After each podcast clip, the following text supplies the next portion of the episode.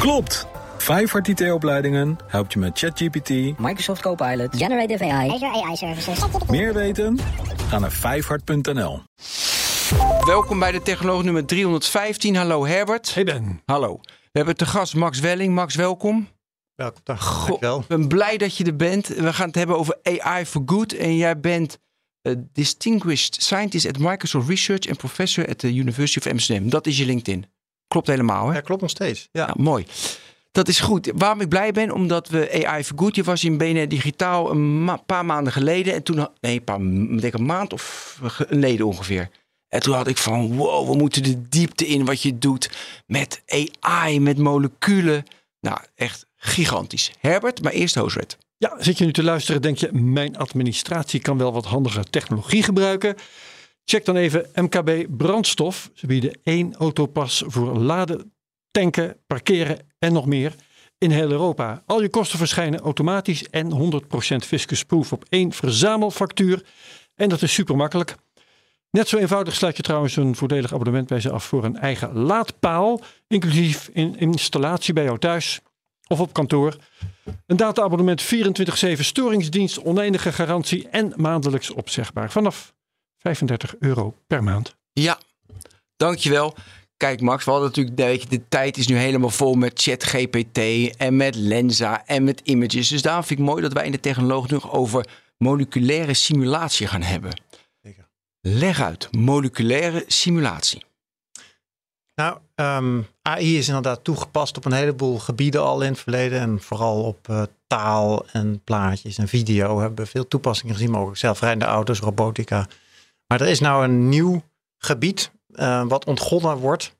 eh, waarbij deep learning en machine learning een belangrijke rol gaat spelen. En dat is eigenlijk de natuurlijke wetenschap in het, eh, in het algemeen. En een onderdeel daarvan zijn moleculen. En moleculaire simulatie wil eigenlijk zeggen als je zeg, een heleboel moleculen bij elkaar hebt in een gasfase of in een vloeistoffase of in een vaste fase. Hoe bewegen die onder de nou ja, krachten eh, van eh, onderlinge krachten bijvoorbeeld of externe krachten? Hoe bewegen Mhm. die? Eh, en die bewegingen en die golven die er doorheen gaan, die bepalen de eigenschappen van die materialen. Ja, Ja, en reacties eventueel. eh, Ja, heel belangrijk. die- ja. ja. Natuurlijk heel belangrijk zijn reacties, chemische reacties. Eh, bijvoorbeeld eh, als je bepaalde, zeg maar, eh, als je bijvoorbeeld een, een soort van eh, brandstof wil maken. En dat wil je bijvoorbeeld uit waterstof maken en, eh, en, eh, eh, koolstofdioxide maken.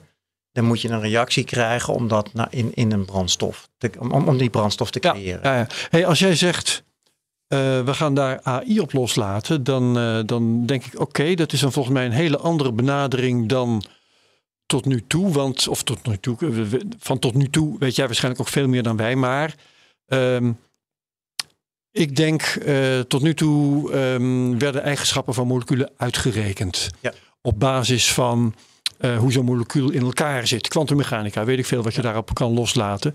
Als je zegt, we gaan daar AI op loslaten, dan heb ik het idee dat het meer top-down gaat. Dat je gaat kijken, eh, wat doet een molecuul eh, onder deze omstandigheden? Wat doet die onder die omstandigheden? Nou heb ik omstandigheid, of com- combinatie van omstandigheden nummer drie.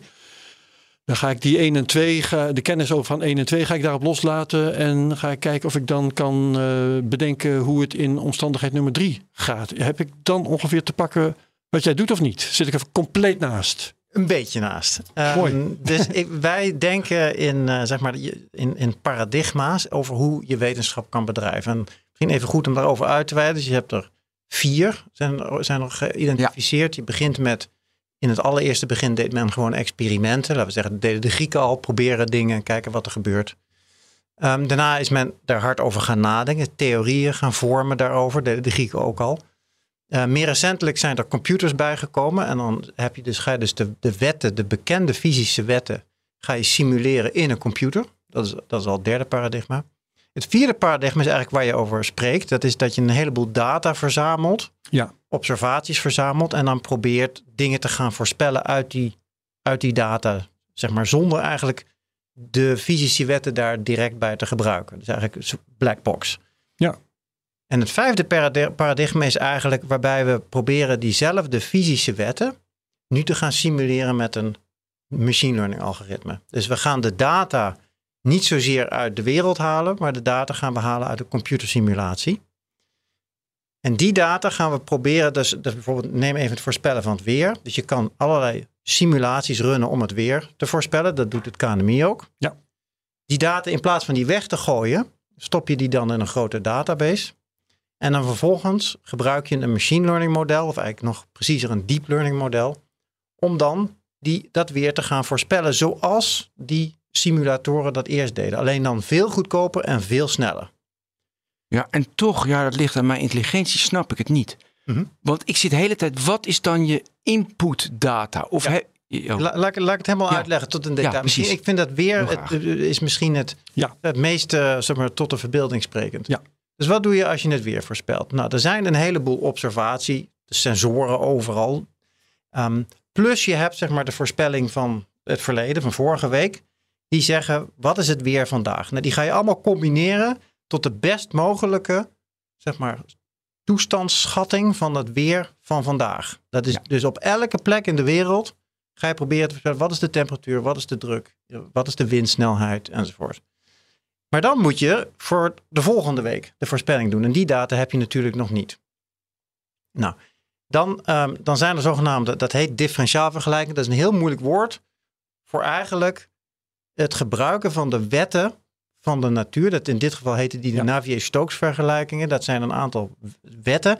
Die kan je in principe met een computer kan je die voorwaarts zeg maar uitrollen. Dus je kan gegeven wat we vandaag, wat de alle zeg maar weerseigenschappen van vandaag zijn, kan je die één stap in de toekomst, het volgende uur bijvoorbeeld, kan je gaan voorspellen wat dan de volgende wet. Drukverschillen leiden tot eh, bewegingen van de lucht. Precies. Temperatuurverschillen leiden tot opwarming eh, over en weer. En ook weer tot beweging van lucht. Ja, precies. ja. Oké, dus dat, dat kan men, maar dat is heel duur om dat te doen.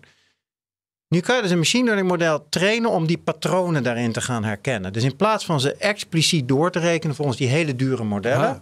ga je nu patronen herkennen. Ga je ze, en, en dat is, hoeft niet uitlegbaar te zijn. Het hoeft niet te zijn van als dit dan dat, zeg maar, zeg maar. Het is meer zeg maar één grote soep. Die gaat erin en er worden allerlei subtiele patronen in herkend door dat algoritme. Waar wij eigenlijk als mens niet meer goed weten wat die aan het doen is. Maar wat blijkt nu? Je kan dan toch de toekomstige toestand van het weer, zeg maar een uur in de toekomst voorspellen. Met Maar- minder rekenkracht. Met 10.000 keer minder regenkracht. Ja, dus je gaat, het is eigenlijk een wetenschappelijk verantwoorde vorm van eh, bochtjes afsnijden. Ja, nou, dat is precies een shortcut. Een bochtje Ja, afsnijden. ja, Dat is het ja. eigenlijk wat het is. Ehm, En waarom kan dat nu? Dat we nu die patronen herkennen. Wat is er dan veranderd? Waarom, kwamen, waarom deden we dat vijf jaar geleden niet? nou, dat is eigenlijk dezelfde reden waarom eh ChatGPT nu kan. En dat heeft ermee te maken dat we dus ten eerste zijn begonnen met die data te verzamelen en netjes op te slaan. Maar misschien nog wel belangrijker, ehm, we hebben nu de computerkracht om dat soort hele grote modellen te trainen. Dus die modellen die bestaan soms uit een miljard of misschien wel een biljoen parameters. Dat is echt enorme, enorme modellen zijn dat. Ehm, en de technologie van de deep learning, zeg maar de, de, de laatste technologie rond machine learning, die is ook zeg maar heel volwassen geworden, waardoor dit soort dingen. Dus die drie dingen samen zorgen ervoor dat nu dit soort dingen kunnen. En ik, ik moet zeggen, heel recent, misschien nou, een, een maand geleden, zijn de eerste modellen ook inderdaad verschenen, die beter dan de numerieke simulaties die het KNMI doet, het weer kan voorspellen, zeg maar vijf tot tien dagen in de toekomst. En dat, dat is een omslagpunt. Mag ik een poging doen om, om eh, te kijken of ik het begrijp? Ja, zeker. Eh, ik eh, ken van, van de weerberichten in het journaal de pluim. Hè, dat is een, een grafiek die aangeeft voor morgen ligt de, de temperatuur bijvoorbeeld tussen die waarden. Ja. En voor volgende week ligt het tussen die waarden. Dat is een groter bereik natuurlijk. Ja. Eh, Er zijn verschillende modellen die eh, eh, verschillende waarden voorspellen. En die gaan in de loop der tijd meer uit, uit elkaar lopen. En dan kun je elke dag kun je kijken van nou, welk, welk model had voor, voor vandaag gelijk? Welk model had eh, gisteren gelijk enzovoort. Ehm, dat levert natuurlijk informatie over, denk ik, over onder welke omstandigheden welk model beter werkt.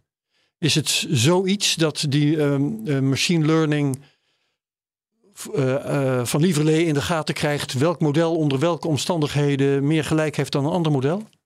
Ehm, Ben ik dan warm? Eh, ja, nou, ik, ik, Nee. denk, ik denk dat het, ik ga het toch even proberen. Ik ga het toch even proberen te nuanceren. Goed. Ehm, wat je beschrijft eh, zijn ensembles en die gebruiken inderdaad eh, meteorologen om de onzekerheid te voorspellen. En dat Ja. heeft alles te maken met het weer is een dynamisch systeem wat chaotisch kan zijn. En dat Mhm. wil eigenlijk zeggen dat kleine veranderingen in het weer nu, de toestand van het weer nu, grote veranderingen in de toekomst kunnen eh teweeg brengen. En omdat dat zo is, eh, moet je eigenlijk niet één model runnen, maar moet je ook zeg maar kleine eh, verstoringen in de huidige toestand teweeg brengen en dan modellen vanuit die verschillende begincondities runnen. Ja. Om, te, om te begrijpen wat de onzekerheid is, zeg maar de intrinsieke onzekerheid is in het voorspellen van het weer. Dus onafhankelijk van welk model je gebruikt. Dus ook in het geval dat we machine learning modellen gebruiken, moeten we die ensembles gaan gebruiken om daarmee de onzekerheid te blijven voorspellen. Dus dat is eigenlijk daar onafhankelijk van. Maar het idee is dus dat je, ja, dat je dus ja, gaat kijken naar hoe al die variabelen in elkaar aangrijpen en daar patronen in herkent en dan probeert met die patronen de toekomst te voorspellen. Het is eigenlijk op een hele andere manier dan Zonder dat je al die modellen hoeft door te rekenen. ja, zonder dat je zeg maar, stap voor stap zeg maar, die, die fysische modellen Ja. eh, moet doorrekenen. Hoe, eh, weet je hoe ze die patronen herkennen, hoe dat gaat? Dus eh, ja, patronen herkennen. Ze, dus het, het algoritme gaat patronen herkennen. Kun je beschrijven van wat er gebeurt dan? Eh, dat is, nou ja, ik kan alleen beschrijven hoe het, hoe het neurale netwerk in elkaar steekt, maar om te beschrijven wat er in de ingewanden van zo'n neuraal netwerk weet je dan gebeurt, ja, met een miljard parameters Ja, wordt het ingewikkeld. Ehm, maar zeg maar, ja, misschien dat je met een analogie eh, ergens zou kunnen komen. Dus je zou kunnen bijvoorbeeld zeggen dat, eh, zeg maar, so- soms heb je van die stormen, orkanen, die dan zeg maar in een bepaald pad zeg maar ergens Mhm. naartoe bewegen. Je zou je kunnen voorstellen dat in zeg maar de hoe, hoe, hoe die, die orkaan ronddraait eh, in, in, in hoe de, zeg maar, de temperaturen daaromheen zijn ehm, en hoe het, eh, zeg maar, de, de zee De eruit ja. Dat je uit al die zeg maar, eh, patronen die je dan ziet, dat je daarmee iets kan voorspellen wat het pad wordt. Maar dat is een hele vage analogie. Het is natuurlijk een veel en veel ingewikkelder patroon wat herkend wordt in, in al die variabelen die worden meegenomen daarin. Ik denk dat we dat ook niet per se meer moeten willen begrijpen. Ik denk dat we veel meer toe moeten naar hoe kunnen we ervoor zorgen dat we die modellen kunnen gaan vertrouwen. En dat Ja. wil eigenlijk, hoe kunnen we ze certificeren? Dus net als in een vliegtuig. Ik stap in een vliegtuig, het is een wezenloos ingewikkeld object. Ik stop er toch in, want ik vertrouw het. En dat komt omdat het heel veel getest is. En het is dus gecertificeerd. Dus hoe krijgen we het voor elkaar dat meteorologen eh, zeg maar dit soort modellen gaan vertrouwen in de toekomst? Ik heb, eh, er, er valt mij een andere analogie in. eh, en die mag je ook neersabelen hoor, vind ik niet erg. Ehm, een neuraal netwerk eh, ja, heeft bepaalde, hoe, hoe noem je dat? Overeenkomsten met, met hoe, nou, daarom heet het ook zo, hoe, hoe een brein werkt. Hè? Ja. Het zijn verbindingen die bekrachtigd worden of juist niet. Ja. Ehm, de, de vergelijking valt mij in met een ouderwetse weerman. Die zijn eh, leven lang eh, weersomstandigheden voorbij heeft zien trekken. En elke keer heeft gezien hoe die Ja. zich ontwikkeld hebben. Ja. En die zegt op een gegeven moment: ja, eh, als het avondrood een bepaalde kleur heeft. Ja. dan is er een weersverandering op til of zoiets. Ja. Lijkt het daarop? Ja, ik denk dat dat een goede doet? analogie is. Ja, ik denk alleen, dus daar is. Alleen jij doet dus het de beter. het, is het, intu- het is de intuïtie, zeg maar zeggen. En ik denk dat de intuïtie ook werkt met het herkennen van patronen die misschien bewust of onbewust eh, zeg maar in je hoofd zitten na heel lange, eh, lange tijd ervaring. Ja. Maar ik denk wel dat zeg maar, het menselijk brein, ook, om, ook gegeven het aantal observaties, wat een menselijk oog en oor kan doen, eigenlijk heel beperkt is. Jij Dus- stopt er veel meer. dus er gaat veel meer in. Ja. En, en, dus, en er is ook veel meer computerkracht dan het menselijk brein heeft. Ehm, en, daar, en daarmee kan in principe dus ook veel meer patronen worden herkend. Ja. Maar we moeten nu wel af van het weer, hè, denk ik. Ja, wel, maar ik wil ook nog even patronen hoe- eh, dus ben je wel eens voor een bepaald patroon dat je verrast dat je dacht van, nou, dat, dat dit uitkomt, dat slaat echt helemaal nee. Had ik nooit verwacht. Nee, Heb daar een ik nog niet zo tegengekomen. Ik ben wel verrast door de kracht van dit soort modellen, eigenlijk elke keer weer. Het gaat sneller dan je denkt. En je denkt van nou, dat zal toch nog wel niet zo snel gebeuren. En dan gebeurt het toch weer Ja, wel. Maar dat is precies omdat je er zo idioot veel eh, Ja. ervaring in kunt stoppen, om Ja. het woord maar even te gebruiken. Ja, De tweede precies. zei modellen vertrouwen. Hoe kan je, eh, dus hoe, omdat het altijd klopt tussen aanhalingstekens, ga je dan modellen vertrouwen of kan je nog meer aangeven dat, je dat ze een model gaan vertrouwen? Ik denk dus eh, heel veel testen in heel veel verschillende omstandigheden. Ehm, en kijken of, er, of je ook kan aangeven onder welke omstandigheden het niet Anders werkt. is ja. Ehm, en die onzekerheid met die ensembles. Dus ervoor zorgen dat je altijd dat soort ensembles runt.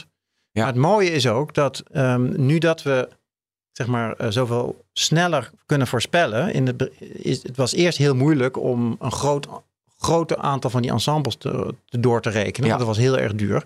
Nu kunnen we in principe tienduizenden ensemble, ensembles doorrekenen. Dus dat wil zeggen dat ook dat onderdeel in principe beter kan gaan nu. Ja. Maar kunnen we nu naar de moleculen? Ja, tuurlijk. Ja, want eh, met weer vind ik het nog makkelijk. Is er heel veel data en daar gaan we patronen in, in herkennen. Ja. En moleculen, hoe... Nee, ik wil eerst de... de hoe ziet zo'n laboratorium opstellen? Hoe, hoe, hoe ziet het eruit? Dat, een molecuul en daar data uithalen. Kun je dat... Oké, ja, dit, dit is gewoon een computer. Daar, daar moet je naar, eh, naar Eemshaven, geloof ik. Oh, Er is gewoon staat een grote- computer? Er staat gewoon een grote cloud. eh. dit is gewoon een dus- supercomputer. En wat stop je daarin? Want je hebt heel veel Ja. data. Bij het weer snap ik, heb je heel veel weerdata. Maar bij Ja. een molecuul... Dus bij een molecuul weten we heel erg precies wat de natuurwetten zijn. Eigenlijk nog preciezer dan bij het weer. Dus bij, daar is het zo dat, eh, nou, we hebben een aantal atomen. Die atomen die kleven aan elkaar via krachten. Dat, en die worden beschreven met de kwantummechanica. Ik kan misschien nog op, op doorgaan later. Maar die zitten aan elkaar via kwantummechanica. En, ehm, en eh, dus elke keer als ik dan probeer een atoom een klein beetje, zeg maar, daar staat een kracht op. En als ik dus wil proberen te voorspellen hoe zo'n molecuul beweegt in de Mhm. tijd. Eigenlijk net als het weer, maar nu een, een molecuul beweegt in de tijd. Dan moet ik weten voor elk atoom wat zijn de krachten daarop. En hoe beweegt elk atoom dan zeg maar, onder al die krachten rond.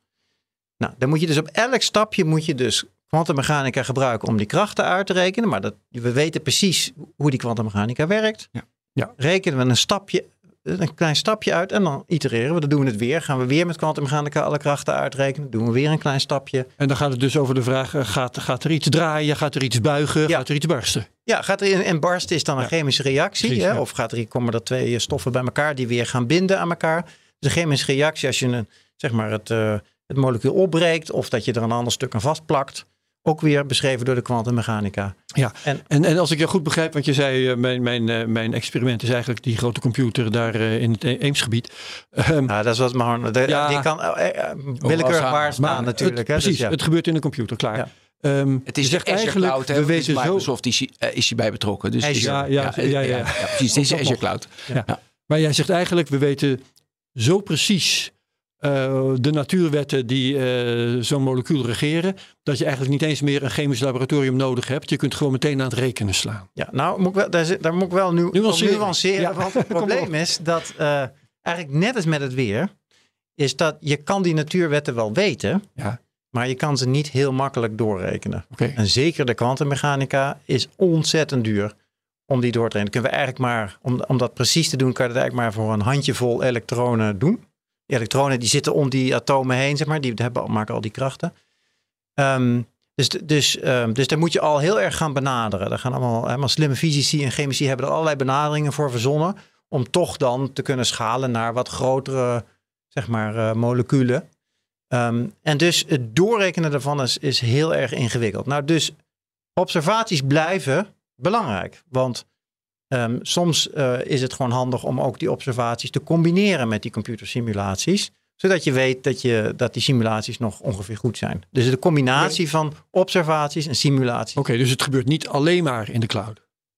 Nou, wat wij doen eh, is eigenlijk vooral de algoritmen ontwikkelen die zeg maar, in de cloud runnen. Oké. Maar eh, het is wel belangrijk uiteindelijk dat je bijvoorbeeld als je iets verzint of produceert, dat je het dan ook maakt in een lab. En dat Ja. je dus gaat kijken of die eigenschappen die je Ja, verzonnen hebt ook wel kloppen. Of het ook echt klopt. Ja, Ja. ja, ja. Oké, dat begrijp ik. Maar even bij die, eh, bij die moleculen heb je dus ook al die eigenschappen. Dus dan heb je weer heel veel data van al die eigenschappen. Die zijn goed beschreven. Dat vertelde je net.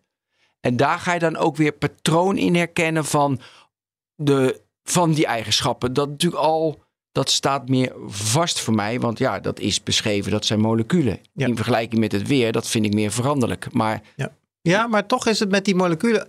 De, die analogie met het weer is heel goed. Want ook daar proberen we, zeg maar, van zoveel mogelijk moleculen, maar laten we zeggen even één. mhm. Proberen, zeg maar, de, de toekomstige toestand van zo'n molecuul te voorspellen uit de huidige toestand. Dus je hebt weer een toestand, zeg maar, van het weer Ja. of van een molecuul op dit moment. Hm.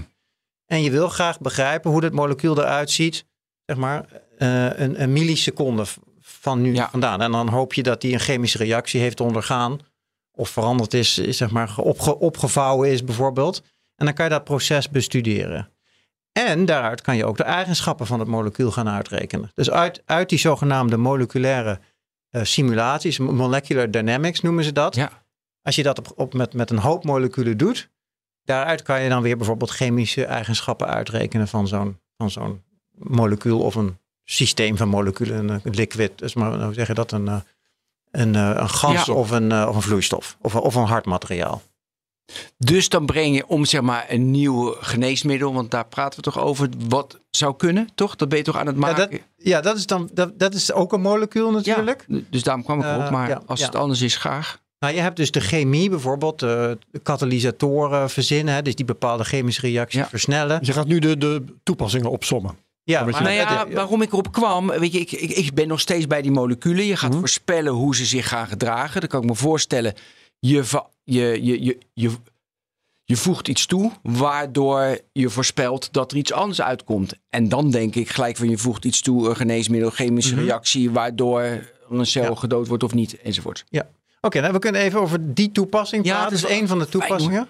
Dat is eh, dus dat, zeg maar het, eh, het proberen te ontwerpen van medicijnen. Dus laten we zeggen, je hebt een ziektekiem en dat is altijd een soort van een, een eiwit. En dat eiwit, het moet geneutraliseerd worden in zijn functionaliteit. Dus dat is een driedimensionale structuur. En daar zitten op bepaalde plekken, zeg maar, zitten nou, zogenaamde pockets. Dat zijn dan, zeg maar, eh, ja, Holtes. hol- holletje- hol- holtes, ja, precies. En eh, daar wil je eigenlijk een soort van klein molecuul in prikken.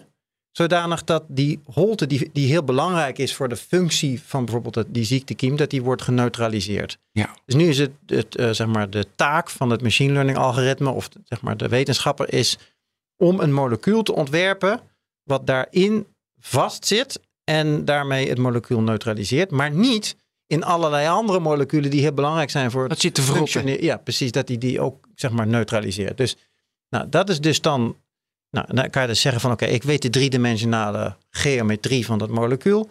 En wat we dus nu recent voor elkaar hebben gekregen is, dan geef je die, die holte, dus geometrie van die holte en de moleculen die, of de atomen die daarin zitten. En dan gebruik je een algoritme wat daar eigenlijk, zeg maar, gewoon een molecuul in genereert. En dan moet je echt bijna letterlijk hetzelfde voorstellen als dat gebeurt met die plaatjes. Zoals Lens en, eh, ja, Lensa en en, noem ze en al Ja. dat soort dingen. Daar heb je dus, daar zeg je van, ik wil een plaatje van een, eh, van een hond op een bank. En dan, en dan zie je dat hij een, een hond op een bank genereert op de een of andere manier. Dus hier, Ah, datzelfde hij dus. algoritme, het precies hetzelfde algoritme, zeg je van, ik wil een atoom wat in deze pocket past.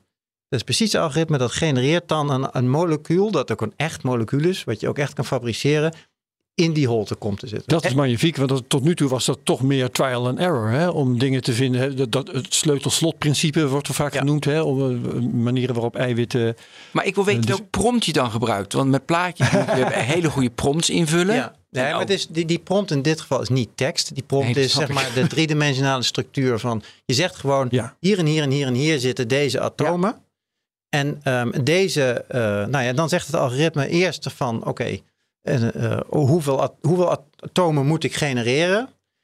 Ehm, dat zoekt hij zelf uit. Welke type atomen moet ik genereren? En dan zet hij die, die atomen in een driedimensionale structuur van een molecuul. Ja. En dat moet ook nog een echt molecuul zijn wat je, zo, wat je kan fabriceren. Dat, dat is Eigenlijk geef je, geef je het algoritme een slot en zegt: eh, maak voor mij even de sleutel. een maaksleutel. Ja, dat is, dat is goed. Ja. Ja. En dat wordt, wat, wat ik wil zeggen, het is nog niet zover dat dit al zeg maar, nu gebruikt wordt door de farmaceutische industrie. Dat is echt iets wat heel snel zich ontwikkelt nu. In elke conferentie waar ik naartoe ga, zie je dat die technologie enorme stappen vooruit maakt. As we speak, als het ware. Ja, Ja. dus, dus in, in, eh, dus nou, de mensen die ik ken en ook in mijn lab hebben nu al best wel goede technologie zeg maar, om, om dat te doen. Ja. Uh, maar ja, goed, je moet natuurlijk nog wel. We hebben nog niet ook laten zien dat het bijvoorbeeld uh, niet toxisch is. Of dat je het ook echt kan, Ja. kan synthetiseren. Dus dat het niet onmogelijk is om zo'n ding te synthet- synthetiseren. Dus er moet nog een heleboel werk worden verricht om dat praktisch te maken. En ook eh, als een tool in handen van een, zeg maar, een bioloog Ja. te geven. Zodat hij daar ook mee kan gaan werken. En wat ik wel grappig vind om vast te stellen. eh, jij bent begonnen als eh, eh, AI-onderzoeker. Je hebt samen met Tijmen Blankenvoort Cypher opgericht. Hè. Tijmen, eh, die kennen wij hier ook. Die Ja. is hier kin- kind aan huis ongeveer. Ik ben allemaal fan van Tijmen. ja, eh, jullie zijn eigen wegen gegaan. Maar in ieder geval begonnen AI te ontwikkelen. En nu gebruik je AI eigenlijk als gereedschap. Ja. Om hele andere dingen te ontwikkelen.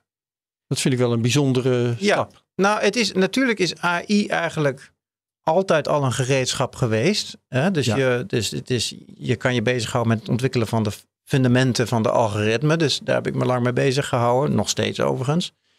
En dan zijn er de toepassingen. En nou, dan kan je op, op eh, taal of op robotica of op, op eh, images, zeg maar plaatjes of video. Dan allerlei Mhm. zelfrijdende auto's. Maar nu wat het, het mooie is, wat er dus nu gebeurt. In de laatste jaren heeft men bedacht dat dit eigenlijk ook allemaal fantastische toepassing is voor de natuurlijke wetenschappen. En dat vakgebied eh, is nou aan het exploderen. En Ja. het mooie is dat je dus nu ook ziet dat de biologen en de chemici en de fysici hier ook enthousiast over worden. En denken van, hé, hey, hier, hier ligt een nieuwe hamer die ik in mijn eh, gereedschapskist moet hebben. En dat ontwikkelt zich als, als eh, een raket, zeg je. Ehm, zijn daar ook nu al opzienbarende resultaten? Of is het alleen nog maar veelbelovend? Nee, er, zijn, er zijn wel degelijk opzienbarende resultaten. Ehm, DeepMind heeft hier al een tijd lang in geïnvesteerd. Ehm, en bijvoorbeeld eh, het AlphaFold, dat is dus het voorspellen van de driedimensionale structuur van een eiwit, Oh ja. gegeven alleen maar de amino acid sequence. Ja, Eh, de- dat, is natuurlijk, ja. dat is natuurlijk een van de eerste heel belangrijke resultaten in de biologie. Ehm, en er is ook al het een en ander gebeurd met, zeg maar met eh, nuclear fusion. Dus het, het stabiel houden van een plasma in een eh, nuclear fusion reactor. Ja, ja, dus ja. Daar, daar is ook AI in te pas gekomen. En recent is er bijvoorbeeld ook een prachtig paper uitgekomen waarmee het weer kan worden voorspeld ehm, met een eh, nauwkeurigheid die groter is dan de numerieke integratoren, dus de, no- de methode die nu gebruikt worden. Dus er is al het een en ander aan het gebeuren en dit gaat alleen nog maar heel veel sneller. En er zijn natuurlijk een heleboel papers over, eh, de- over dat soort eh, ontwikkelen van medicijnen en dat soort dingen. Dus het, het gaat allemaal nu heel snel. Eh, en nog even over het weer. Daar moeten we niet te lang over, over kletsen hoor. Maar ehm, ik meen laatst iets gezien te hebben over eh, hoe- op welke termijn we eh, binnen afzienbare tijd eh, weersverwachting kunnen krijgen. Dat, dat gaat in, in termen van weken zo langzamerhand, hè, geloof ik. Ja, ik geloof wel dat er een soort van fundamentele limiet zit rond de twee weken. Ja. Dus als je echt het weer wil weten, zeg maar in een stad of zo, dan, ehm, dan is door die, dat chaos, dat fenomeen chaos, zeg maar, waarbij je dus eh, zeer Ja. ehm, De vlinder van Lorentz, de kleine Ja, dus verstoringen dat- hebben kleine grote gevolgen. groot effecten. Kom je eigenlijk met geen enkel model voorbij de twee weken ongeveer, is, de, is het idee. Dus daar kom je ook met... eh, met eh, Maar dat gaan we toch wel halen. Die twee weken, ja, daar zitten we al bijna wel aan. Ja, denk ik. ja, ja, ja, ja. Goed, ja. En dan heb je natuurlijk nog ook wel andere dingen zoals het klimaat voorspellen. Dus dan, dan voorspel je eigenlijk zeg maar, meer eh, gemiddelde grootheden van de temperatuur over de hele aarde helemaal, zeg maar zeggen, niet op een bepaalde plek. Die kan je veel verder naar voren voorspellen. Zelfs aan het einde. Men probeert natuurlijk nu te voorspellen 2100 we ja. anderhalf of Ja. vijf graden opwarming krijgen. En dat is Ja, ontzettend ja, belangrijk om dat, eh, om dat te kunnen voorspellen. Zeker. En, en ook wat dat voor gevolgen heeft. Dat is natuurlijk ook nog een, eh, een probleem op zichzelf. Ja. Ja. Ehm, eens even Ik wil het over de ontwikkeling van de algoritme nog hebben. Ja. Goed. Ehm, want je zei dat heb ik veel gedaan, nu nog wel. Wat voor als je inderdaad bezig bent. ehm, eh, dus wat voor. ehm, hoe, hoeveel ben je daarmee bezig en hoeveel verbetering zit daar nog in? En wanneer gaat een kunstmatige in- in- intelligentie daarbij helpen en dat zelf doen? Nou, nou dat is een interessante vraag. Ehm, er zit nog steeds heel veel verbetering in. Want eh, het hangt natuurlijk ook heel erg af van de computerkracht die je tot je beschikking hebt. De algoritmen die we vroeger gebruikten, die waren voor die situatie goed. Maar tegenwoordig hebben we natuurlijk veel meer computerkracht. En daarom is nu deep learning veel beter. Ehm, en aangezien ook de, de hardware steeds verandert, zullen de algoritmen die het beste runnen op die hardware ook steeds veranderen. Dus dat, dat blijft zich doorontwikkelen. Ehm, Maar dat is nog mensenwerk. Jij Ja. verzint dan een algoritme. Ja, dat is, dat is absoluut mensenwerk, ja. Alhoewel, natuurlijk, we worden ook wel daarin al ondersteund door technologie. Want je zoekt natuurlijk met zoekmachines al op eh, waar, wat andere mensen allemaal gezegd hebben en zo. Ehm, het kan best zijn dat zeg maar, die ondersteunende functie van AI steeds groter wordt, ook voor wetenschap. Dus dat je zegt van oké, eh, dat je een chat GPT naast je hebt staan. Ja, en dat je wat zegt ze nu van, met, eh, met, kun je hem met even- programmeren doen. Ja, Ja, mensen, ja. ja, je- sterker nog, je kan al programmeren. Dus je Ja. kan echt al eh, een stukje programmeren en zeggen van ik wil een programma hebben dat dit en dit doet. En dan kan die een stukje programma voor je schrijven al. Dus dat is al iets. Maar je kan ook zeggen van eh, wa- wat, wat weet men eigenlijk allemaal over eh, dit specifieke probleem in de wetenschap. En dan zoekt hij alles erbij en dan legt hij het netjes aan je uit. En dan kan je vanuit daar weer verder. Dus die- ondersteunende functie zal er wel zijn. Ja. Ja, en dan is het natuurlijk van. Heb je nog veel. Want ik vind die controle leuk. Weet je, die controle leuk dat je het niet meer weet. Dus. eh, en dat heeft natuurlijk met. Ja, dus hoeveel controle heb jij daar nog over? Daar hebben ze natuurlijk heel erg over. Van eh, wordt het ook helemaal autonoom of niet? Hou jij. En dat heeft natuurlijk ook met uitkomsten te maken. Weet je, snap je de uitkomsten nog? Eh, wat kan je daarover zeggen? De controle over of ja, de controle wat er, wa- wa- wat er uiteindelijk gebeurt. Jij zegt het, het gaat om de uitkomst. Het, maakt me niet zo uit als ik niet weet wat er gebeurt. Of dat patroon dat je herkent. Dat je niet. Ja, maar, maar ik heb altijd van ja, dat wil je toch weten. Maar dat hoeft Ja. dus niet. Nou, het ligt een beetje aan je instelling. Ik denk dat als jij eh, de fundamentele wetten van de natuur wil begrijpen, zeg maar, je bent een stringtheoreet, je wil begrijpen hoe eh, zeg maar, in een zwart gat eh, zeg maar, de kwantummechanica werkt, noem maar wat. Ja. Dan, dan wil je niet een of ander algoritme wat daar eh, zeg maar, een zwarte doos, eh, zeg maar. Ik weet, ik kan voorspellen wat er gaat gebeuren, maar ik kan je niet uitleggen wat er aan de hand is. Ja, nee, dat geloof je dan Da- niet. daar, hebben, daar heeft niemand wat aan. Nee. Maar op het moment dat ik een nieuw materiaal wil bouwen en ik weet wat ik wil hebben en ik heb een zoekmachine, zeg maar een, een, een toekomstige zoekmachine waarin ik kan zeggen van, eh, nou ik wil een materiaal met die eigenschappen hebben, zoek maar. En dan, en dan gaat hij rekenen intern.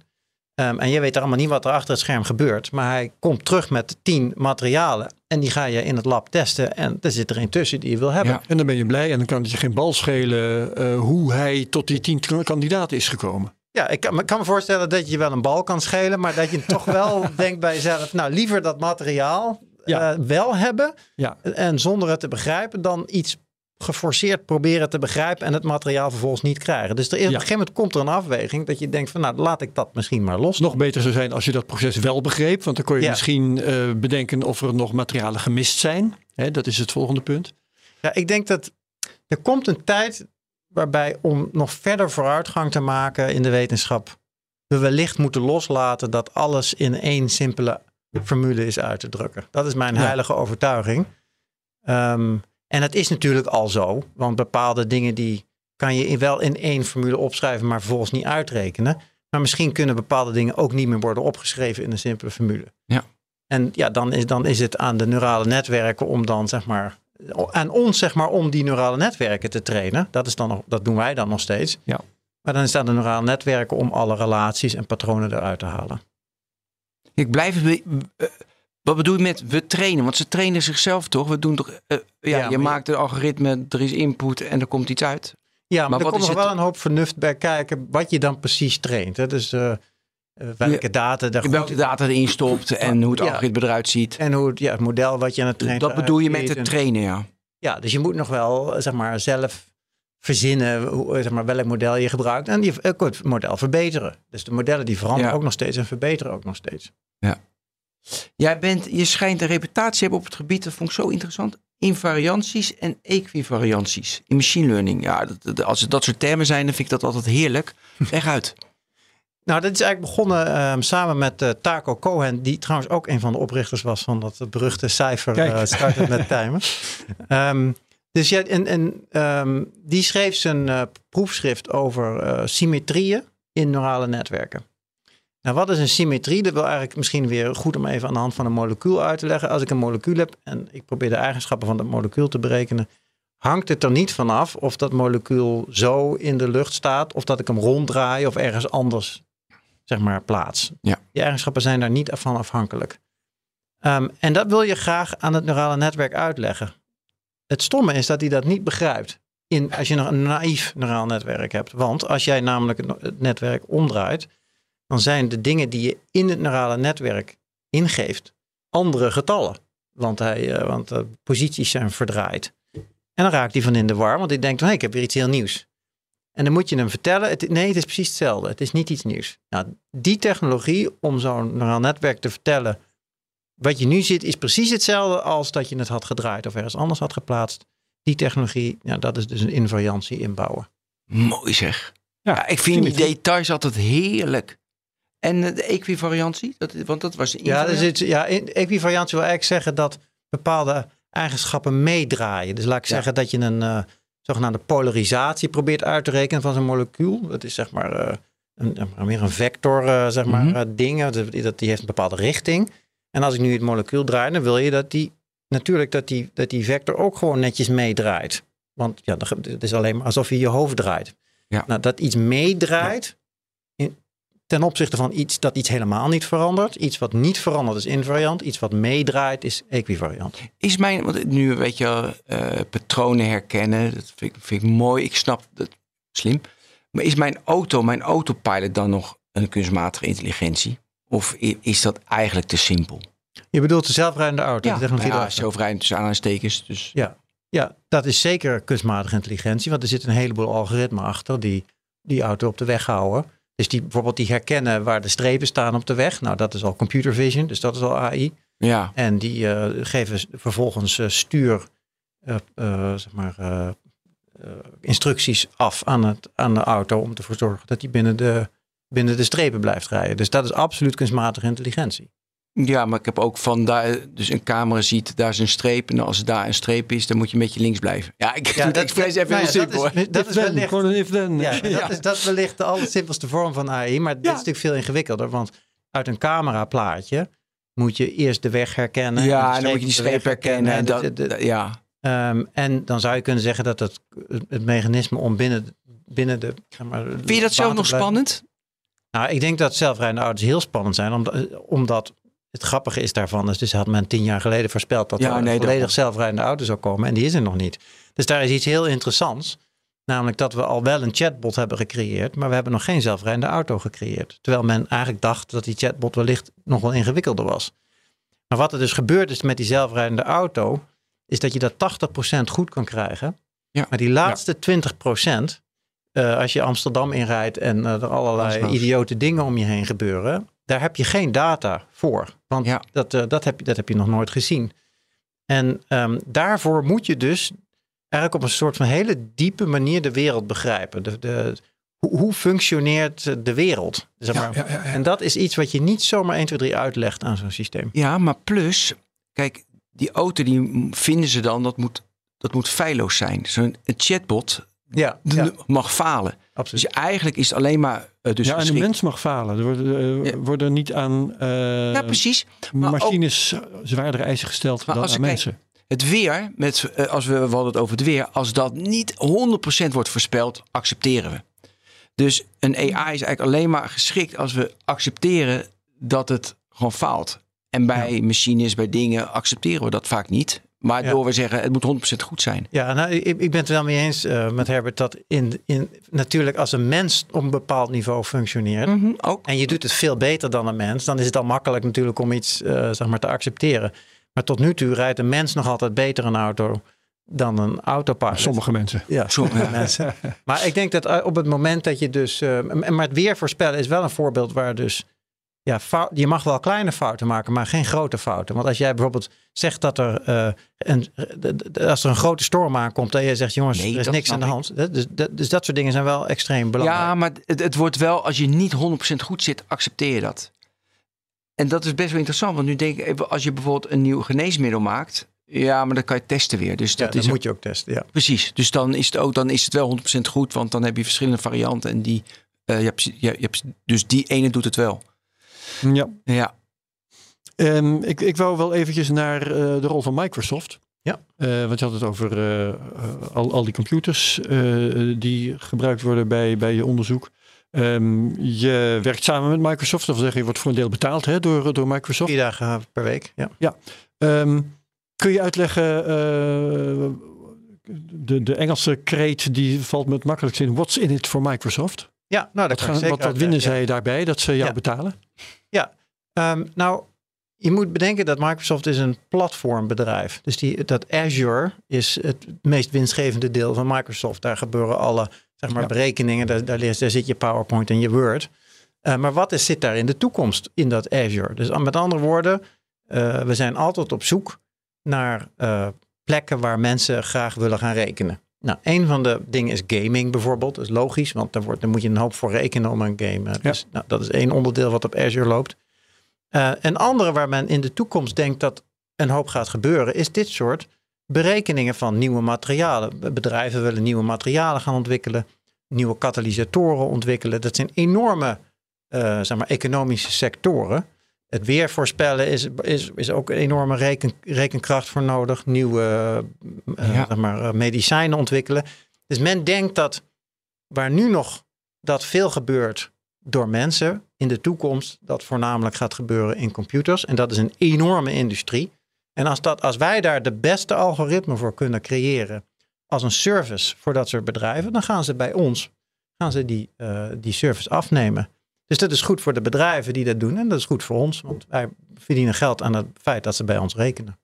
Dus het is meer van dat je inderdaad is een platform dat een derde dan eh, zeg, maar, zeg maar rekenen in Azure, dan dat je zelf die nieuwe geneesmiddelen eh, weermodellen maakt. Dus echt Ja, wij maken de modellen wel, maar vervolgens geven we die dan aan het KNMI en zeggen van, nou gebruik dit nou, model nou maar, maar op onze computer. ja, precies. Ehm, Is, Nou- is het ook een, een bewuste keus dat je op zoek bent naar eh, maatschappelijke problemen waarvan de oplossingen hoogstwaarschijnlijk eh, in het Azure-netwerk eh, kunnen worden gaan opgelost? Nou, er is een prachtige alignment tussen eh, aan de ene kant zeg maar, een winstmodel, waardoor, waardoor een bedrijf kan investeren Ja. in zoiets.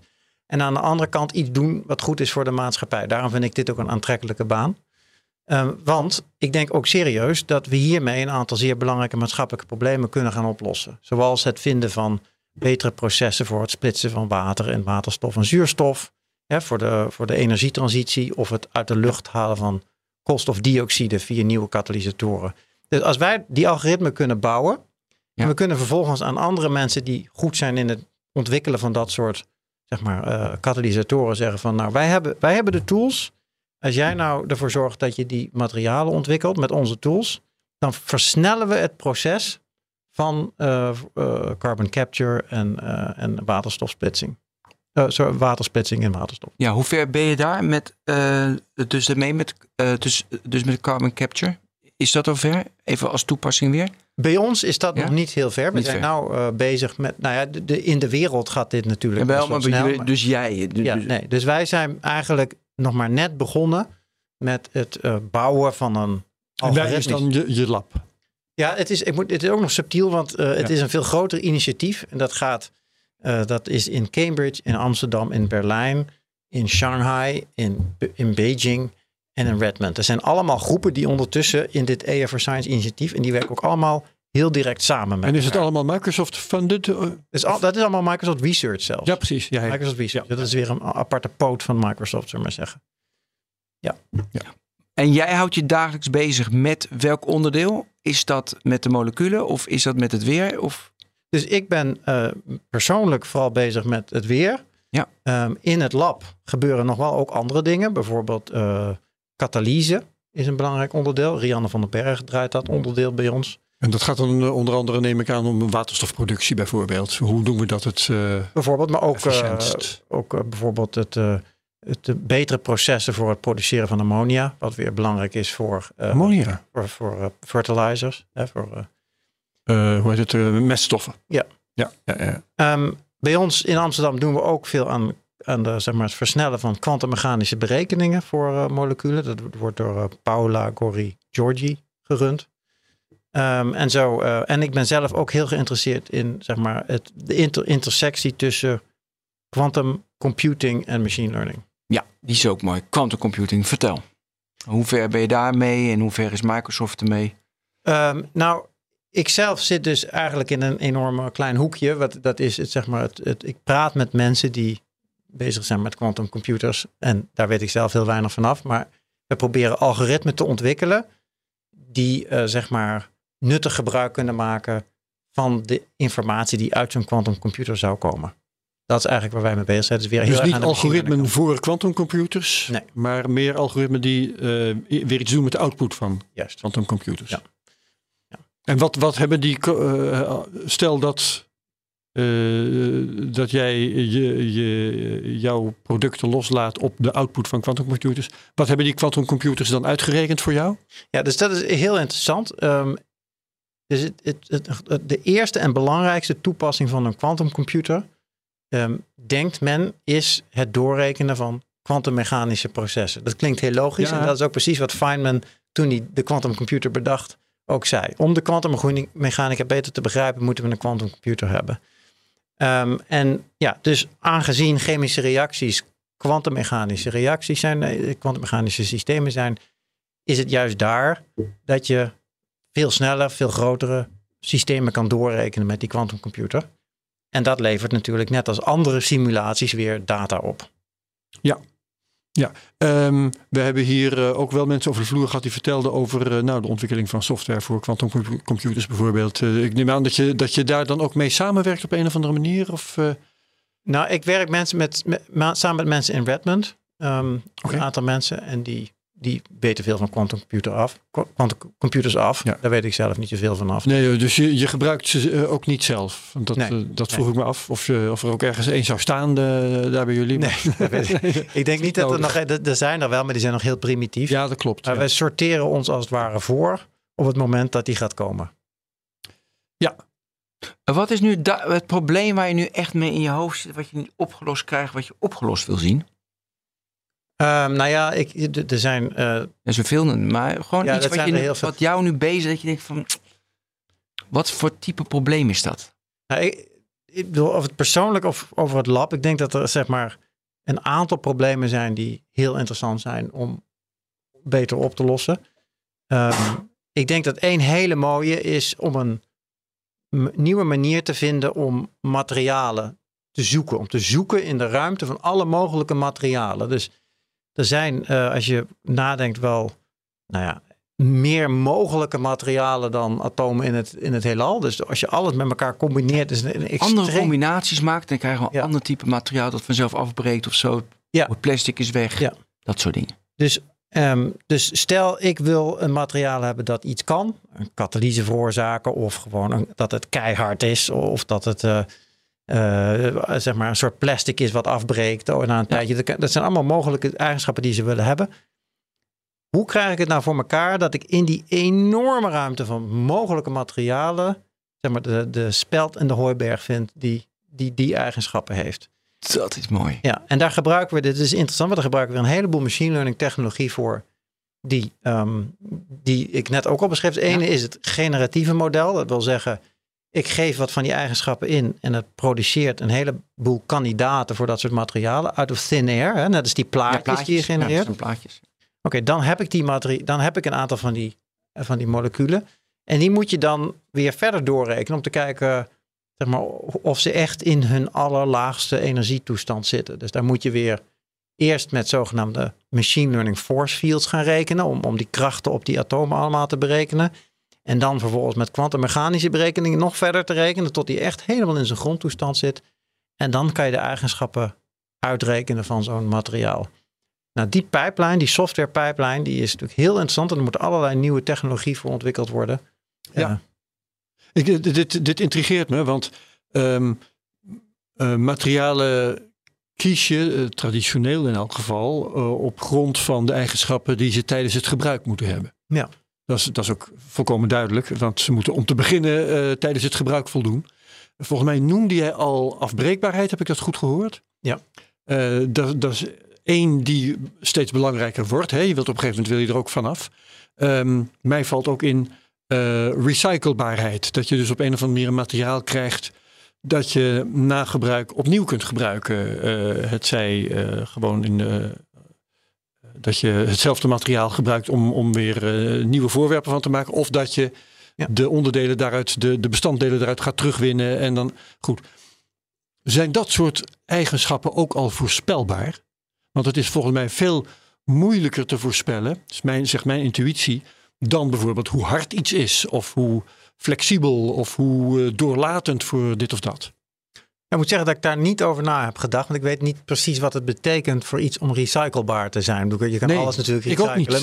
niet. Maar afbreekbaar kan je toch wel af- afbreekbaar meten. zou je wel naar Ja. kunnen kijken. Dat iets, zeg maar, als je, als je een Ja. Oplost. in de grond gooit, dat het Ja. oplost, zeg maar. Dat, dat kan natuurlijk Ja. wel. Nou, over het algemeen, hè, dat, dat is, dat is eh, vrij makkelijk te begrijpen. Eh, ehm, een, eh, een puur materiaal, de, dus eh, ik noem wat, puur ijzer, is een stuk makkelijker terug te winnen voor nieuwe toepassingen dan eh, een legering, waar verschillende eh, eh, metalen in door elkaar Oh, zitten. Oké, dan moet je dan weer zeg maar smelten om dan weer oh, te scheiden. Anders dan Ja. zit je vast aan de legering legering, die je ja. gemaakt hebt. Ja. Dus dat, dat is iets wat ik bedoel. Nou, vast en zeker. Ja. Wij, over dit specifieke onderwerp hebben we niet nagedacht. Maar Ja. je kan natuurlijk, ja, het is zo gek niet verzinnen. De eigenschappen die je wil hebben, die kan je in principe meegeven. En daar kan je in gaan zoeken. Je, kan Ja. gewoon, zo, Ja. zo, zola- zolang jij kan berekenen. Als ik jou een molecuul geef en jij hebt een algoritme wat kan berekenen wat, die eigenschap, wat de waarde van die eigenschap is. Dus zeg maar heel recyclebaar of niet zo recyclebaar Ja. dan kan ik in principe zoeken in de ruimte van algoritme om iets te vinden wat heel recyclebaar is. Ja, zeker. Maar dat, dat, dan geef je me eh, in elk geval een clue, want jij werkt op het niveau van moleculen. Dus als ik bijvoorbeeld een materiaal ga maken, vezelversterkte kunststof, dan zitten daar al verschillende materialen in elkaar verweven op een manier die eh, niet is op het niveau van moleculen, maar een niveautje hoger. Ja, dus dan moet je de individuele En onderdelen. dat is dan weer een ander vakgebied, ben ik bang. Ja, het zou kunnen dat je daar dan weer iets bovenop moet zetten, wat zeg maar dan eerst verzint hoe je dingen kan combineren en dan daar weer de eigenschappen van uitrekenen. Ja, ja, ja, maar het is weer wel zo dat je eh, gegevens over wat we hebben we allemaal voor materialen en hoe gedragen die zich eh, bij eventueel recycling. Dat zijn dan toch weer data die, eh, wa- waar jij je AI op kan loslaten. Ja. En die misschien toch weer tot iets moois en nieuws leiden. Dus Ik het zit is, maar wat hard op te denken hoor. maar het, het is ook, het is ook mooi om te bedenken dat zeg maar, hoe meer wij rekenen, hoe meer data er komen, hoe beter onze modellen weer worden. En dat is een soort Ja. van vir- virtueuze cirkel die steeds, waarbij je dus die modellen steeds beter worden. Dus als je, als je denkt in termen van een zoekmachine, er zijn heel veel mensen allerlei dingen Ja. zoeken. Er worden allerlei data gegenereerd en dingen berekend tijdens dat proces. En al die, die data die dan berekend worden, die worden allemaal weer teruggestopt in de modellen. Ja. En daar worden de modellen weer beter van. Dus dat, dat, dat wordt beter en beter door de tijd. Wat je, ook met, eh, wat je ook met ChatGPT hebt. Weet je, omdat je natuurlijk hete prompts invoert. Daar leert hij weer van. Eh, is dat een theoretisch model met die nieuwe materialen maken? Of heb je al materialen eruit gekregen, maar waarbij de eigenschappen toch mislukten? Of, want ik zei, is het een wens, wat wil je naartoe? Ja, we zijn pas een jaartje in operatie, dus we zijn die pijplijn aan het, het is nu nog... bouwen. te- Oké, pijplijn ik, ik, denk, nog. ik, ik denk wel, delen van die pijplijn functioneren wel. Ehm, en ik, ik geloof ook wel dat ze ook al wel een aantal dingen hebben kunnen voorspellen. Ehm, maar dan heb je nog altijd een lijstje in je computer. Eh, daarna moet je met dat lijstje naar een lab en zeggen Ja. van nou fabriceer die nou eens even. Ja. Ehm, en nou, dat, dat proces bijvoorbeeld is nog niet op gang gekomen. Jeetje. En, en moet ook zeggen dat die pijplijn voornamelijk op dit moment nog uit meer klassieke algoritmen bestaan. Zeg maar de meer chemische, fysische algoritmen. En nog niet heel veel machine learning componenten hebben. Die zijn we nu aan het ontwikkelen. Eh, wat is nu de limiter? Dus is dat dus rekenkracht heb je onbeperkt? Is dat het menselijk brein? Eh, je hebt nu 15 man op het lab in Amsterdam. Dat was Ja, tussen maar- 15 en 20 zoiets. Ja, Ja, ja, precies. Geld. Ja, geld is natuurlijk Onbeperkt. altijd... eh, nee, on- onbeperkt. nee, dat is niet Heb je naar die beurswaarde gekeken? Ja, heel goed Of, inderdaad. of, of was ze aan eh, geld op de bank hebben staan. Maar goed. Ja, nee, dus, dus in principe is, is natuurlijk geld altijd een probleem. Want hoe, hoe meer geld je hebt, hoe sneller je kan. Dus dat is altijd een, be- een be- beperkende factor. Ehm, ik denk op dit moment dat ehm, als je mensen vragen van eh, wat, wat wil je nu, zeg maar hier heb je een smak geld, wat zou je ermee Ja. gaan doen? Ik denk op dit moment is ehm, rekenkracht om nieuwe data te berekenen, is de, is de li- limiterende factor. Dus op dit moment willen we vooral veel nieuwe data genereren in onze computers. En waarvolgens we dan die modellen weer op kunnen gaan trainen. En ja, daar heb je gewoon heel veel eh, rekenkracht voor nodig. En ja, die zijn niet altijd beschikbaar, die GPU's. Ehm, en waarom data genereren en waarom zou je geen data halen uit de werkelijke wereld? Of is het een heel domme vraag? Nee, nee, daar hebben we het al over gehad inderdaad. Dat is zeker geen domme vraag. Eh, er zijn, uiteindelijk wil je ook graag dat zeg maar, de, de wet labs, zeg maar zeggen, de labs die, die, die dingen die echt doormeten, dat die ook op grote schaal data genereren die vervolgens weer ook die algoritme ingaat. Maar Ja. uiteindelijk, onze voorspelling is dat zeg maar, de computergegenereerde data uiteindelijk goedkoper en makkelijker en sneller Ja, kan. En dat kan omdat we die natuurwetten weten. omdat je die natuurwetten zo goed kent. Ja, Dat heb je inderdaad ehm, gezegd, ja. Maar ja, voor de verificatie is het ook belangrijk dat we die, zeg maar, dat we die, eh, die, eh, die, die echte observaties meenemen. Nou kan het zijn, er is ook nog een andere ontwikkeling die heel belangrijk is. En dat is namelijk volledig geautomatiseerde, gerobotiseerde labs. Dus fysieke labs, Mhm. waarbij je dus een heleboel robots allemaal zeg maar, experimentjes aan het doen zijn. Die worden natuurlijk gevoed door de algoritmen.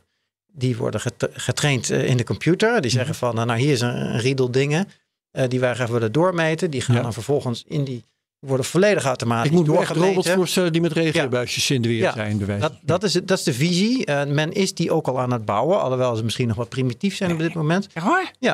En Maar, waar, volgens mij eh, zijn ze bezig. In eh, Toronto is er ergens, wordt er een gebouwd. En in Berlijn wordt er ergens een gebouwd. Maar het zijn allemaal initiatieven die nog van de, langzaam maar zeker van de grond aan het komen zijn. Misschien voor een andere uitzending leuk om iemand uit te Ja, ja, ja, zeg. Maar Het gerobotiseerde dus, lab. ja, dus, die, dus, dat, ehm, dus er wordt alles volledig geautomatiseerd doorgemeten.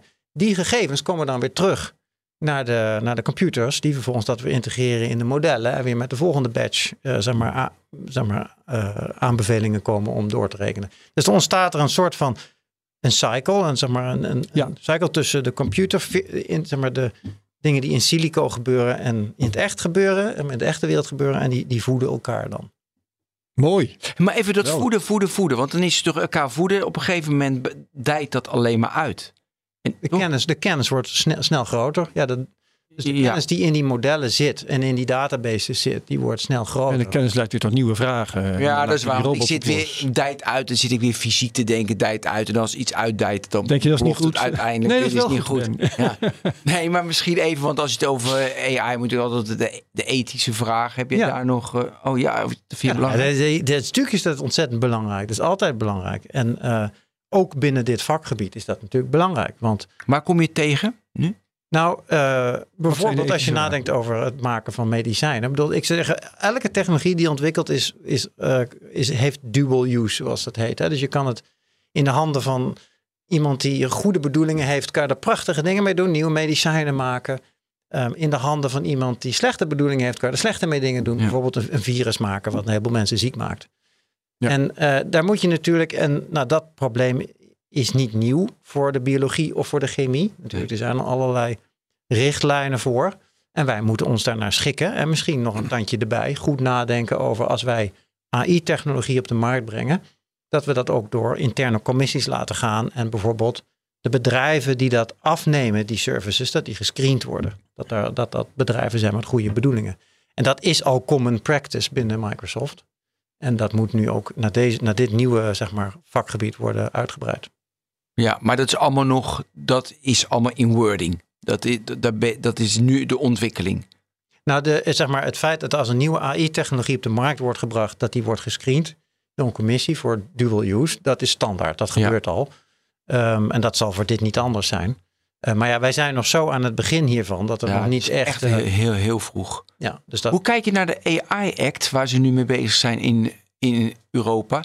Dat de, de maker van het algoritme verantwoordelijk is voor de gevolgen van het, het algoritme. wat even, maar zou ik dan verantwoordelijk zijn voor het algoritme? Nou, precies. Ik snap niets van. Ja, ik vraag het jou, want jij, want jij bent de expert. Ik moet gaan oppassen. Ja, Nee, maar dat, is- dat, dat is toch raar? Ja, Dus ik die weet wordt niet nog precies wat er aangepakt. staat, Nee, moet ja. ik eerlijk zeggen. Maar eh, Ja, kijk, er, er zijn wel goede dingen aan die wet, denk ik. Ehm, dat men bijvoorbeeld probeert de algoritmen die gebruikt worden, bepaalde plekken transparant te krijgen. Dat bedrijven op een soort van register Ja, Ja, hebben. het staat er ook in. Ja, Ja, ik denk ja. dat, dat als je dat niet te ver doorvoert, dat je elke eh, if-then statement eh, moet registreren. Maar dat je de grote lijnen, zeg maar de algoritmen die je gebruikt, dat je dat registreert. Dat je dus transparantie creëert. Ik denk dat dat hartstikke goed is. Ja. Dat je moet oppassen met zeggen dat kijk, als ik nu een volledig theoretisch algoritme verzin en dat volgens vervindt zijn weg via allerlei toepassingen ergens en doet kwaad, eh, terwijl het ergens anders goed doet, dan, dan lijkt het Ja. niet realistisch om dat dan terug te voeren naar degene die eerst het algoritme gemaakt heeft. Ik denk degene die het gebruikt met kwade bedoelingen verantwoordelijk is daarvoor. neem niet weg dat wij als wetenschappers ook daarover moeten nadenken natuurlijk. Dat is. Maar vooral zou ik zeggen, wij moeten input geven aan de beleidsmakers. Wat er allemaal kan met die algoritmen. Zowel de goede en de slechte was, was mij eerder in dit gesprek al, al iets eh, te binnen geschoten. En daar heb ik toen eh, mijn mond over gehouden. Dat was een goed moment om er nu over te beginnen. Ehm, er is eh, denk ik verschil tussen waar je een algoritme toepast. Ehm, Zo'n wet, ik weet ook niet precies wat erin staat hoor, maar die is volgens Ja, mij ja, in grote lijnen, ja. wat nu Max zei. bedoeld om dingen te, te voorkomen als dat algoritme eh, de geschiktheid van mensen voor bepaalde banen gaan beoordelen. Wat ertoe kan leiden dat eh, mensen met dezelfde eigenschappen keer op keer worden afgewezen. Ja. Omdat die algoritmes nou eenmaal allemaal familie van elkaar zijn. Terwijl die mensen niet weten waarom ze worden afgewezen. En eh, niemand ze dat ook kan uitleggen. Omdat niemand precies wat die, hoe die, weet hoe die algoritmes werken. Dat is buitengewoon kwalijk. Dus dat kun je niet hebben. Daar is die, uit, ja, die Ja. uitlegbaarheid heel belangrijk. Dus. In jouw vak is het denk ik wel iets anders. Want als jij door de werking van je algoritme bepaalde materialen steeds weer mist. Ja.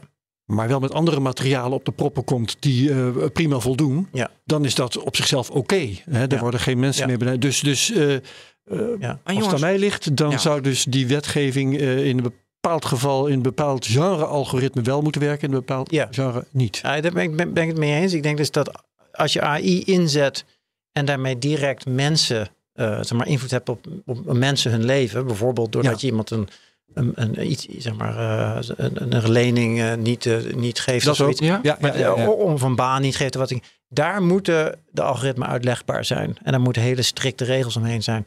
In andere toepassingen is dat minder belangrijk, zoals het zoeken naar materialen. Ja, daar is het minder belangrijk. Maar dan moet je weer op andere dingen letten. Zorgen dat die materialen niet op een verkeerde manier gebruikt worden. Of dat de algoritmen die je produceert niet door kwade actors kunnen worden ingezet om, om ja, slechte mat- materialen Ja. te gebruiken die, die in wapens kunnen worden Of dat er eh, bepaalde gevolgen voor de gezondheid zouden kunnen. Je wilt geen tweede softenon Ja. ontwikkelen of geen tweede asbest. Precies. Ja. Ja, Ja. maar je hebt nu. Nee, We gaan even, ja, tot slot, want we zitten ja. door de tijd. Maar deze Ja. is nu, want je triggert me. Ja. We zijn patronen aan het herkennen. Dus als je nu toch biased data hebt die de, bijvoorbeeld mensen, eh, omdat ze zwart zijn, nooit worden Ja, precies, uitgenodigd. dat bijvoorbeeld het algoritme waar jij mee bezig bent, waar jij mee bezig bent, is toch dat je patronen herkent daarin. Dus dan halen we dat er toch uit. Dan halen we toch die bias eruit. Ehm, nou, nou, ik ben ik denk- nu weer helemaal terug bij af. nou oké. Dat De- moet toch kunnen dan? dat heb je is het toch die vijfde bias? Swift? Ja, dus nou, laat ik zo zeggen. ehm, even dan niet over AI voor science. We hebben het even Ja, gewoon over precies, even eh, gewoon. AI voor maatschappij. Ja, maar ja, ja, ja. Er zijn absoluut technologieën waarbij je dat soort bias eruit kan halen. Tuurlijk. Dat kan. Maar Oh. goed, het is niet heel simpel. Want je moet wel weten welke bias je naar op zoek bent. Ja. Dat is een rasja, Dus je moet je eigenlijk meteen al bewust zijn van de ja, bias. Ja, en soms weet je dat niet. Nee. En soms zit het wel in de data, maar weet je dat niet zo goed. Dus het kan, het kan een hele subtiele bias zijn, bepaalde groepen mensen die je eigenlijk niet op je netvlies hebt. Dat daar dan toch, eh, die toch benader, benadeeld Hm. worden hierdoor. En dat zit misschien in je dataset en dat is toch lastig. Dus je moet, daarom is dat certificeren zo belangrijk. Dat de mensen goed nadenken over dat, dat, dat, dat die algoritmen voor iedereen zeg maar, goed werken. En dat moet dus worden getest. Ja. En een bepaalde accountability hè, en, en openbaarheid van werking is dan toch wel heel Ja, goed. transparantie ontzettend belangrijk. Ja, ja. ja, ja. Ja, maar ik ga dat. Sorry dat ik erop doorga. Want je was toch bezig met patronen herkennen in heel veel data, waardoor je bepaalde patronen herkent. Ja. Dus het is heel moeilijk, maar er zit bepaalde bias in die je heel moeilijk ziet. Maar je hebt zoveel data en jij bent dus met je algoritme patronen aan het herkennen. Dan kan je toch uiteindelijk, als je heel veel data hebt, een het patroon herkennen dat er heel moeilijk een bias in zit. Ja, maar de vraag is, je moet wel weten waar je naar op zoek bent. Dus als ik het Ja. weer voorspel, dan weet ik wat ik wil. Ik wil namelijk het weer over een Ja, dag goed kunnen voorspellen. Tuurlijk. Maar als ik eh, met bias... Als, als ik weet waar ik naar op zoek ben, kan Ja. ik het vinden. Als ik niet weet waar ik Nee, naar op ja. zoek ben... Ja, je moet de output moet je En bovendien, ja. Eh, Je moet een idee, ja. In, in de, de, de kwalijke gevallen waar wij het nu over hebben, is eh, het algoritme en de bias eigenlijk al lang het probleem niet meer. Dan, dan is het probleem dat algoritmes met bias een bepaalde, zich een bepaalde positie hebben verworven. En dat het heel moeilijk is om er weer van af te komen. Omdat erin geïnvesteerd is en omdat eh, er belangen zijn om zo'n algoritme toch te blijven gebruiken. En die belangen die verzetten zich er tegen om het algoritme af. Bewijs eerst maar eens dat het slechte gevolgen heeft en zo. Ja. Dat, dat is veel complexer dan alleen maar een patroon herkennen. Oké, geaccepteerd. Mooi man. Gelukkig hebben we daar bij Science minder last van. Dat is in ieder geval het grote voordeel. Ja, Inderdaad. precies. Oké, eh, Max Welling bedankt. Genoten. Dit was eh, de Technoloog nummer Dankjewel. 315. Dankjewel Ben. Dankjewel Herbert. Tot de volgende Technoloog. Hoi hoi.